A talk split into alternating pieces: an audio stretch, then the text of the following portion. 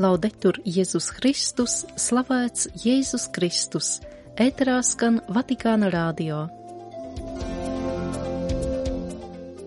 Trešdienas 14. februāra raidījumā katehēžu virknē par netikumiem un tikumiem pavists skaidroja, kas ir acēdija.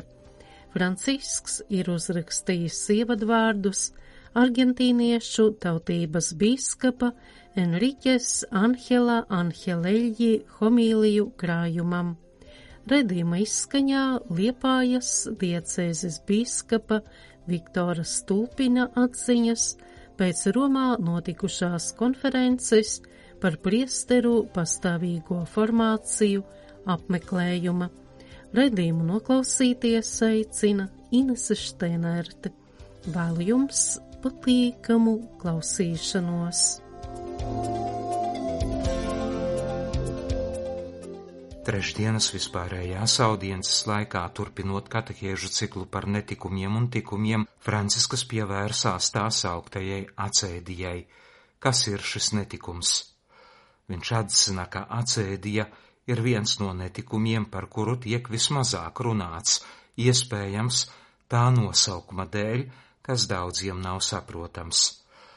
Netikumu katalogā termins acēdija bieži vien tiek aizstāts ar citu, daudz plašāk lietotu terminu slinkums. Patiesībā slinkums ir vairāk sekas nekā cēlonis, viņš sacīja. Ja cilvēks sēž un nestrādā, ir kūtras apātiskas, mēs sakām, ka viņš ir slinks. Taču, kā māca seno tūkstneša tāvu gudrība, bieži vien šī slinkuma sakne ir acēdija, kas burtiskā tulkojumā no grieķu valodas nozīmē rūpju trūkums. Runa ir par ļoti bīstamu netikumu, ar kuru nedrīkst jokoties, uzsvēra Francisks. Cilvēks, kas kļūst par tā upuri, ir kā vēlmes pēc nāves nomākts. Viņš jūt riebumu pret visu, attiecības ar Dievu viņam kļūst garlaicīgas, un pat vissvātākie darbi, kas kādreiz sildīja viņa sirdi, tagad viņam šķiet pilnīgi bezjēdzīgi. Cilvēks sāk nožēlot aizejošo laiku un jaunību, kas neatgriezeniski palikusi aiz muguras. La Cilia è definita come il demone di mezzogiorno, il demone del mezzogiorno. Acēdiju dēvē par pusdienlaika dēmonu, jo tas var mūs pārsteigt pašā dienas vidū, kad nogurums ir sasniedzis maksimumu un nākamās stundas šķiet vienmuļas un nepanesamas. Mūkseva grīž šo kārdinājumu raksturo šādi. Acēdies pārņemtā cilvēka skatiens ir nemitīgi pievērsts slogiem. Kad viņš lasa, viņam bieži vien piezogas slinkums un viņu viegli pārņem miegs, viņš berzē acis un rokas un novērsis acis no grāmatas, skatās uz sienu. Tad atkal pievērsies grāmatai, palasa vēl mazliet, visbeidzot noliecis galvu, viņš noliek zem tās grāmatu un aizmiek vieglā miegā, līdz viņu pamodina izsaukums un liek tam rūpēties par savām vajadzībām. Noslēgumā acēdies pārņemtais nerūpējas par dieva lietām. In conclusione, l'accidioso non compie con sollecitudine l'opera di Dio. Komentējot šo fragmentu, pāvests norādīja, ka mūsdienu autori tajā saskata depresīva stāvokļa aprakstu. Patiešām cilvēkam, kuru ir pārņēmusi atsēdija, dzīve zaudē nozīmi, lūgties kļūst garlaicīgi, jebkādi pūliņi liekas esam bezjēdzīgi, Aizraušanās un sapņi, kas tam bija jaunībā, tagad šķiet neloģiski. Cilvēks kļūst nolaidīgs, izklaidīgs, pārstāja domāt. Tā viņam šķiet vienīgā izeja. Viņu pārņem tukšums. Tā ir zināma veida priekšlaicīga nāve. Kādi būtu līdzekļi pret acēdiju? Garīgie skolotāji sniedz vairākus padomus. Pāves šeit norādīja uz viņa prāt svarīgāko līdzekli ticības pacietību. Lai gan atsēdies ietekmē cilvēks grib būt citur, aizbēgt no realitātes, tomēr ir jābūt drosmei palikt šeit un tagad, pieņemt savā situācijā tāda, kāda tā ir, dieva klātbūtni. Mūki apgalvo, ka viņiem celle ir labākā dzīves skolotāja, jo tā ir vieta, kur tie konkrēti ikdienas piedzīvo kunga mīlestību. Acēdies dēmons grib iznīcināt tieši šo vienkāršo prieku, ko sniedz šeit un tagad, šo pateicības pilno realitātes apbrīnu. Viņš grib mums iegalvot, ka viss ir veltīgi, ka nekam nav jēgas, ka nav vērts par kaut ko vai kādu rūpēties. Franciskas piebilda, ka dzīvē mēs sastopam šādus cilvēkus, kurus pārņēmusi acēdija un sakām, ka viņi ir garlaicīgi. Mums nepatīk ar tādiem būt kopā, turklāt tā ir lipīga lieta. Svātais tēvs norādīja, ka acēdija iznīcina prieku par pašreizējo mirkli. Cilvēks domā, ka nav vērts censties. Atsēdies dēļ daudzi, kuri bija nostājušies uz labā ceļa, ir to pametuši. Tā ir izšķiroša cīņa, ko jāuzveic par katru cenu. Tas ir nopietns kārdinājums, no kura nebija pasargāti pat svētie. Viņi piedzīvoja dvēseles nakti, kad viss likās tumsā tīts. Šie svētie mūs māca pacietīgi iet cauri naktī un pieņemt ticības nabadzību. Viņi iesaka uzņemties mazākus pienākumus, nospraust sasniedzamākus mērķus, bet tajā pašā laikā izturēt, būt neatlaidīgiem un paļauties uz Jēzu, kurš mūs nekad nepamet kārdinājumos. Cilvēka, kuru moka atsēdies pārbaudījums ticība, nezaudē savu vērtību, piebilda pāvests. Taisni otrādi, Tā ir patiesa ticība, ļoti cilvēcīga ticība, kas par spīti visam, par spīti tumsai, pazemīgi turpina ticēt. Tā ir ticība, kas paliek sirdī, kā zem pelniem apslēptas ogles.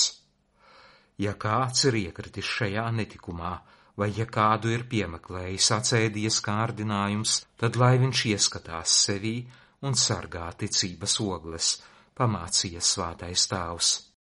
Vispārējās audiences noslēgumā pāvests atgādināja, ka lielais gavēnis ir atgriešanās un iekšējās atjaunotnes laiks, un aicināja īpaši lūgties par mieru pasaulē. Izmantosim šo laiku kā iespēju atgriezties un iekšēji atjaunoties, ieklausoties Dieva vārdā, rūpējoties par saviem brāļiem un māsām, kam nepieciešama palīdzība, un pastiprinot lūgšanu, īpaši lai izlūgtu pasaulē miera dāvanu, mudināja svētais tēvs. Uzrunājot poļu ticīgos, viņš aicināja izmantot lielā gavēņa laiku solidaritātei. Iesākoties lielajam gavēnim, viņš sacīja, šodien visās baznīcās jūsu zemē notiek līdzekļu vākšana, lai palīdzētu Ukrainai. Tik daudzu karu priekšā nenoslēgsim savu sirdi cilvēkiem vajadzībās lai lūkšana, gavēnis un žēlsirdības darbi ir miera veicināšanas ceļš. Pavists Francisks ir uzrakstījis ievadvārdus argentīniešu tautības bīskapa Enriķes Anhela Anhelēļie homīliju krājumam ar nosaukumu Uzklausot Dievu un tautu Homīlijas ir tapušas laikā no 1968. līdz 76. gadam. Lukos svētais tevs raksta 12. februārī iznākušās grāmatas priekšvārdā. Katrs vīrietis, katra sieviete, katrs ticīgais, visi esam kunga dāvana, ļoti dārga dāvana. Katrs no mums ir dāvana visiem, un visai baznīcai, kas dzīvo precīzā kontekstā, laikā un vietā. Mēs esam konkrētas dāvanas un šādā veidā dzīves vienkāršībā, ko dzīvojam, esam arī dāvana visiem. Jo vairāk mēs pieaugam draudzībā ar kungu un citiem, jo vairāk izlīdzinās asumi, nocietināšanās, nesaskaņas vai precīzāk tie pārstāja būt par šķērsli kopībai un paradoxālā kārtā kļūst par mūsu vienīgo un neatkārtojamo esamības veidu, par specifisku krāsu dāvanai, kāda mēs esam priekš citiem. Tātad visi esam dāvana, un tomēr svētajos baznīca atzīst cilvēkus, kas ir plašāka jeb universāla dāvana. Tāpēc viņi tiek kanonizēti, lai viņu eksistence un draudzība var sasniegt arī tos cilvēkus, vietas, kontekstus un laikus, kuriem tie nav bijuši tuvi. Svētie patiešām ir brāļi, kas tik ļoti līdzinās Jēzum, ka var kalpot par drošiem atbalsta punktiem, piemēram, mācībā, draudzībā un dievbijībā, katram dieva bērnam. Lai visi būtu vienotāki ar tēvu un brāļiem, vairāk līdzinātos Jēzum, būtu vienotāki kā brāļi un māsas savā starpā, Riohas bīskaps, svētīgais moceklis Enrique Angelēļi ir bijis un joprojām ir kunga dāvana baznīcai Argentīnā. Viņš ir vīrs, kuru vadīja liela brīvība un liela mīlestība uz katru cilvēku, draugu vai pretinieku, brāli vai ienaidnieku. Viņš bija bīskaps katolis vārda pilnā nozīmē, jo bija vienots ar universālo baznīcu, uzklausot un bērnišķi paklausot pāvestam un dedzīgi iesaistoties Vatikāna otrā ekumeniskā koncila norāžu un impulsu īstenošanā savā diecēzē. Tā, piemēram, ļoti skaista un, es teiktu, aizkustinoša ir manierai, kādā viņš stāsta sev uzticētajiem ļaudīm par tikšanos ar pāvestu Pāvilu VI, veicot vizīti ad limina apostolorum. Ar tādu pašu entuziasmu viņš iepazīstina ticīgos arī ar tikšanās rezultātu un vēstulēm, kas saņemtas no Romas tajā pašā laikā neraugoties uz briesmām un aizvien augošo naidu no pretinieku puses, neraugoties uz bailēm un draudiem, viņš turpina pildīt savu mandātu būt par baznīcas ganāmpulka ganu. Tas ir ganāmpulks, kurš nav domāts tam, lai aizvērtos sakristejā, bet gan lai izplatītu dieva mīlestību, kas tiek pieņemta un svinēta sakramentos, vienkāršajā ikdienas darba, ģimenes apvienību solidaritātes aktivitāšu dzīvē. Nedomāju, ka Anhelēļi bija varonis, bet moceklis gan, un par tādu viņu ir atzinusi baznīca.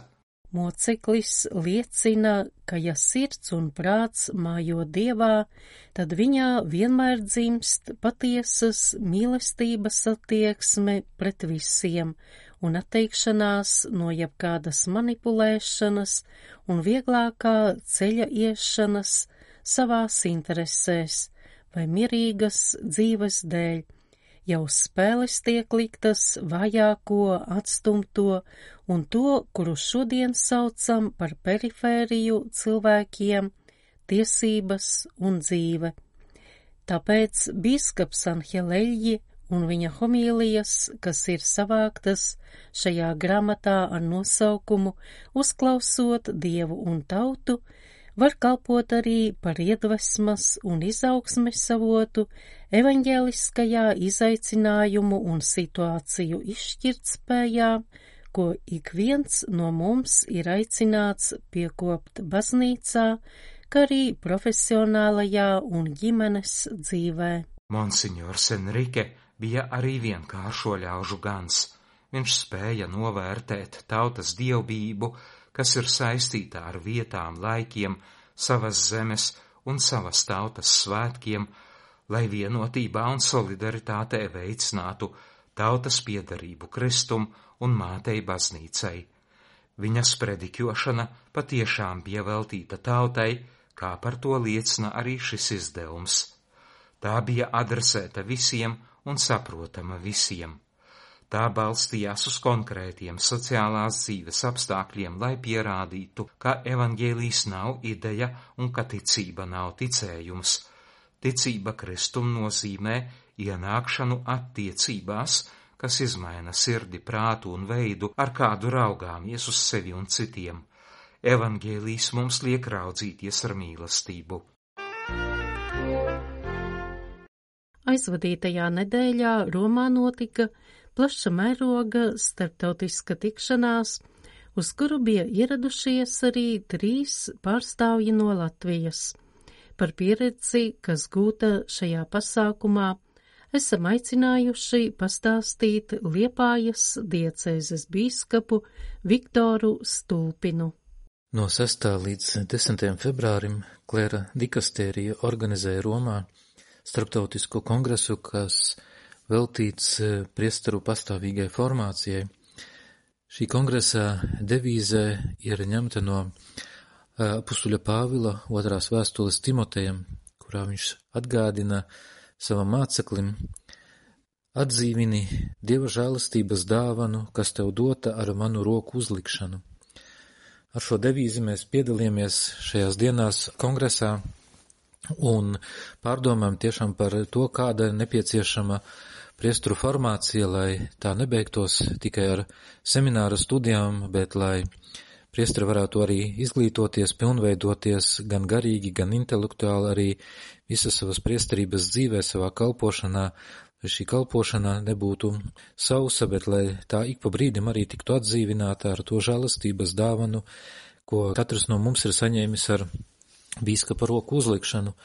Un e, šajās dienās tad bija iespēja pārdomāt par dažādām formācijas dimensijām, un reizē arī tā bija iespēja satikties ar citiem priesteriem, ar citiem bīskapiem, redzēt, eh, kā šī formācija notiek dažādās zemēs, kādas ir grūtības, kādas ir nepieciešamības, lai tiešām priesteri nepaliktu vieni, lai viņi nebūtu savā ikdienas dzīvē un savā kalpošanā vientuļi, bet lai eh, tajā parādītos arī baznīcas rūpes par to, kā priesteru kalpošana tiktu stiprināta, ar jaunāko, kas baznīcas mācībā ir, lai tādā veidā dotu priesteriem instrumentus, kā kalpot, kā labāk veikt savu priestrisko kalpošanu un lai tādā veidā vēl vairāk cilvēkus varētu pievilkt pie Kristus. Tāpat tika runāts arī par dažādiem izaicinājumiem, ar kuriem nākas saskarties mūsdienu pasaulē, ar tā saucamo sekularizāciju, ar sociālajiem informācijas līdzekļiem, kas daudzkārt arī atņem savu prieku priesteru kalpošanā vai atkal gluži pretēji ievelk viņus kādos tīklos, kad nevar veikt savu kalpošanu un netika doti daži tiešām tādi svarīgi impulsi, lai šī pastāvīgā priesteru formācija, lai tā notiktu, lai tā nu, tiktu pilnveidota, un e, arī izskanēja doma, ka ik pa divi, trīs gadi vajadzētu notikt vēlreiz no jauna šādiem kongresam, kurā varētu atkal pārdomāt par to, kas, kas ir aktuāls un kādā veidā mēs varam labāk sludināt labo vēsti. Es lūdzu,